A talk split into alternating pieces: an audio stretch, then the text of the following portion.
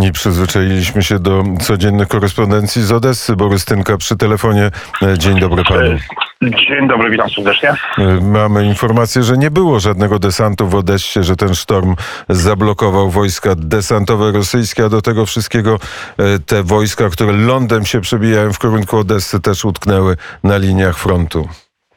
I oby tak było dalej. Cisza, spokój, nie ma alarmów, no zero ludzi na ulicach, no, ale cisza, spokój, no i oby tak pozostało. To są e, bardzo, e, bardzo dobre informacje. Podobne To są są świetne wiadomości. Podobne informacje są e, z Lwowa, ale czy to jest tak, że e, Odessa tak czy owak musi być gotowa? E, Czy nie jest takie, takie, taka cisza przed burzą? Nie, nie, oby to nie była cisza przed burzą. Tutaj nie ma możliwości, aby, nie wiem, rozluźniać atmosferę, w ogóle się e, rozluźniać, więc nie, nie, nie. E, Tutaj na ulicach, ja akurat teraz jestem na ulicy, jest, e, jest bardzo spokojnie. Wędrowałem, jeżeli można tak w ogóle powiedzieć, spacerowałem po ulicy Rybasowskiej, czyli po tym głównym deptaku Odessy. No, posterunki z żołnierzami oczywiście, z obroną terytorialną. Tak, tutaj nikt nie odpoczywa, więc wszyscy są czujni. Tutaj w każdej chwili coś się może wydarzyć. Oby, oby nic się nie Mm, Jak mieszkańcy Odessy wyjeżdżają, e, bojąc się wojsk rosyjskich, to jadą dokąd? Yy, Na zachód, zdecydowanie na zachód. Yy, Wszystkie pociągi w zasadzie ewakuacyjne są kierowane w kierunku, yy, idą przez Lwów, przynajmniej tam kierunek Użgorod, Rachiw, ale wszystkie pociągi wtedy jadą przez Lwów. Z tego co wiem, nawet w dniu dzisiejszym ma być uruchomiony po raz pierwszy pociąg do Rumunii, do Tulczy. Więc to jest taki pierwszy pociąg, który będzie kursował nie tylko na zachodnią granicę Ukrainy, ale również do innego kraju, czyli bezpośrednio do Rumunii. Mołdawia zgłosiła, że e, przyjechało do niej ponad 250 tysięcy uchodźców z Ukrainy i że nie daje rady. Mołdawia e, 2,5 miliona e, mieszkańców, 250 tysięcy, czyli najwięcej 10%.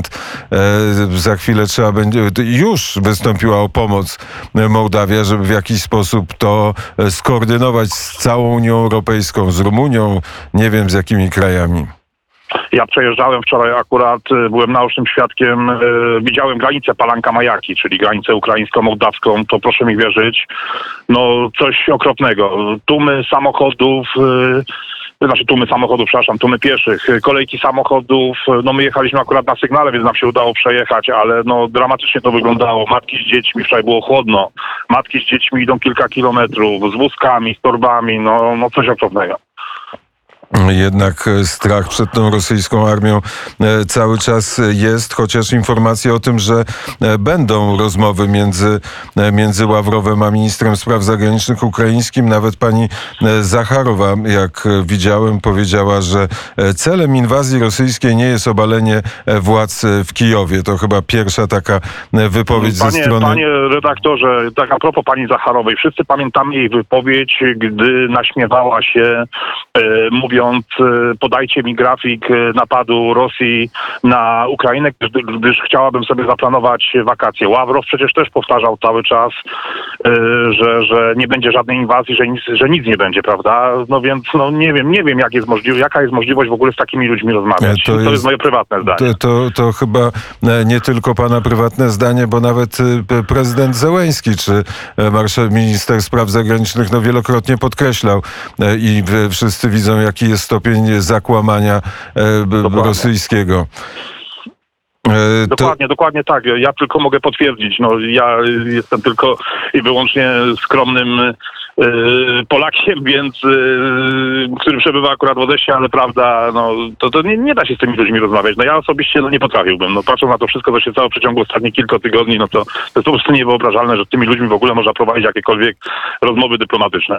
E, Dobrze, b, b, zamknijmy na chwilę e, Jasne, oczy, jeżeli, jeżeli pan e, pozwoli i może pan to zrobić. I, I proszę nam opowiedzieć o e, najpiękniejszym miejscu w Odessie.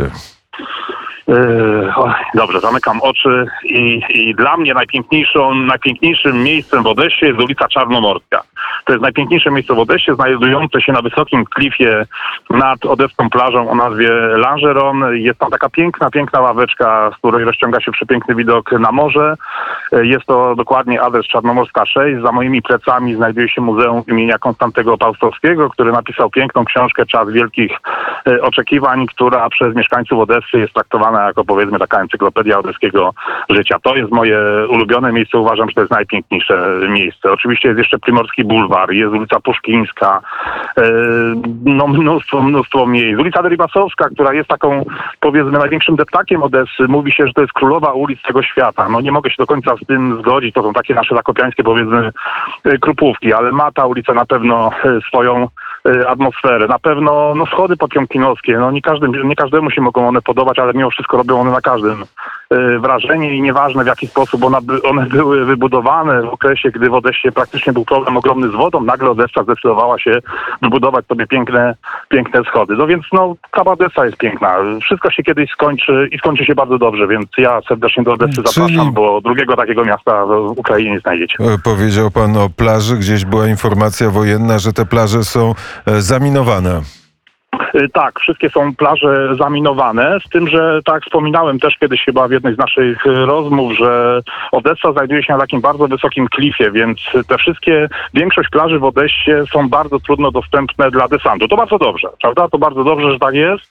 Y, No są zaminowane. No miejmy nadzieję, że wszystko się skończy jak najszybciej i proszę mi wybaczyć za mój taki może nie tyle humor, to, to jakiś taki pozytyw, który chciałbym przekazać. Miejmy nadzieję, że sap- saperzy zdążą do y, wakacyjnego. E, Generał Skrzypczak też uspokajał, powiedział, że żołnierze, którzy są na tych statkach, jeżeli one są nadal widoczne z Odessy po czterech dniach e, sztormu, są niezdolni w ogóle do żadnego desantu.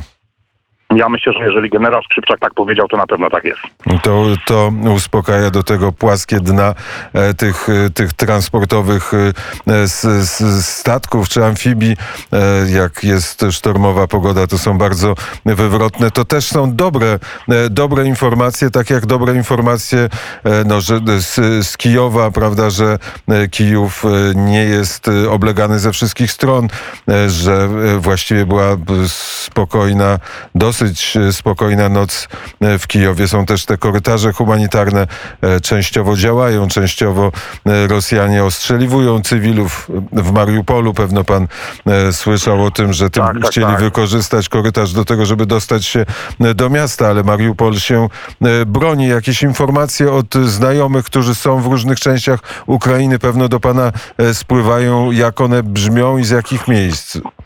Tak, y, ja mam bardzo dobrego przyjaciela w Hersonie. On jest w Hersonie akurat teraz i, i trzymają się, no wiadomo, że tam jest bardzo ciężko, ale jakoś, jakoś y, to się udaje. Mam w Kijowie przyjaciół, którzy musieli się ewakuować i na szczęście bardzo pomogli y, przyjaciele z Polski, którzy ich przejęli, tak powiedzmy, na granicy. Ja chciałbym jeszcze jedną rzecz bardzo ważną podkreślić. Ja tutaj akurat wczoraj czy przedwczoraj, nie, przedwczoraj, tak spacerowałem po Odessie, tak chodziłem, chciałem zobaczyć pewne miejsca. Y, Byłem kilkakrotnie sprawdzany, znaczy proszono mnie o okazanie dokumentów, ja mam ze sobą polski paszport. I to jest tak niesamowicie budujące, że ci żołnierze, którzy sprawdzali właśnie polski paszport, widząc polski paszport, y, od razu uśmiech na twarzy, y, od razu co słychać, niektórzy z nich starali się mówić po polsku, być może kto wie, może nie jeden z nich może pracował w Polsce, może ma przyjaciół, może ma rodzinę, więc to jest takie niesamowicie budujące, naprawdę człowiek teraz spacerując po Odessie jest dumny, że jest Polakiem, no zawsze byłem dumny, że jestem Polakiem, ale teraz to jest takie bardzo odczuwalne, dosłownie, to aż ciarki przechodzą normalnie. To, to jest e, rzeczywiście bardzo krzepiące i bardzo miłe. A proszę powiedzieć, czy e, pol, polska pomoc płynie do Odessy? Nie jest tak, że ten Tak, strumień tak. pomocy się zatrzymał. Nie, nie, nie, nie. Y, Płynie do Odessy. Y, Wiem, że przychodzą transporty z Lwowa, bo nie oszukujmy się, Lwów jest takim y, powiedzmy najkorzystniejszym miejscem do przekazywania darów. Ja, jeśli mogę podziękować, to wczoraj odebraliśmy dary z powiatu kłobuckiego. Przyjechał Mariusz Mandat i Jarek Wójcik. Przepraszam, że, tutaj, że nazwiska, ale warto naprawdę chłopakom podziękować, bo przemierzyli setki kilometrów, żeby dotrzeć z tymi darami. Czekamy na następne dary od pana Andrzeja Zygmunta z Krakowa, który przyjedzie z transportem drugim już e, prawdopodobnie w niedzielę. Przy okazji dodam, że będziemy wywozić też dwie osoby dorosłe i troje e, małych dzieci. Tak więc w jedną stronę, jak jedziemy na granicę rumuńsko-ukraińską, to z kimś, z jakimiś osobami, które chcą po prostu wyjechać, boją się, uciekają, a e, w drodze powrotnej już jedziemy z pomocą humanitarną, w większości oczywiście pomocą dla wojska. Jeżeli mógłbym jeszcze raz, jeżeli pan redaktor mi pozwoli, ja dosłownie za chwileczkę, bo przez cały dzień e, do tej, do tej chwili rozwoziliśmy towar po, e, po całej e, Odessie. Za chwileczkę wrzucę na swojego Facebooka, na swój profil takie najaktualniejsze informacje dotyczące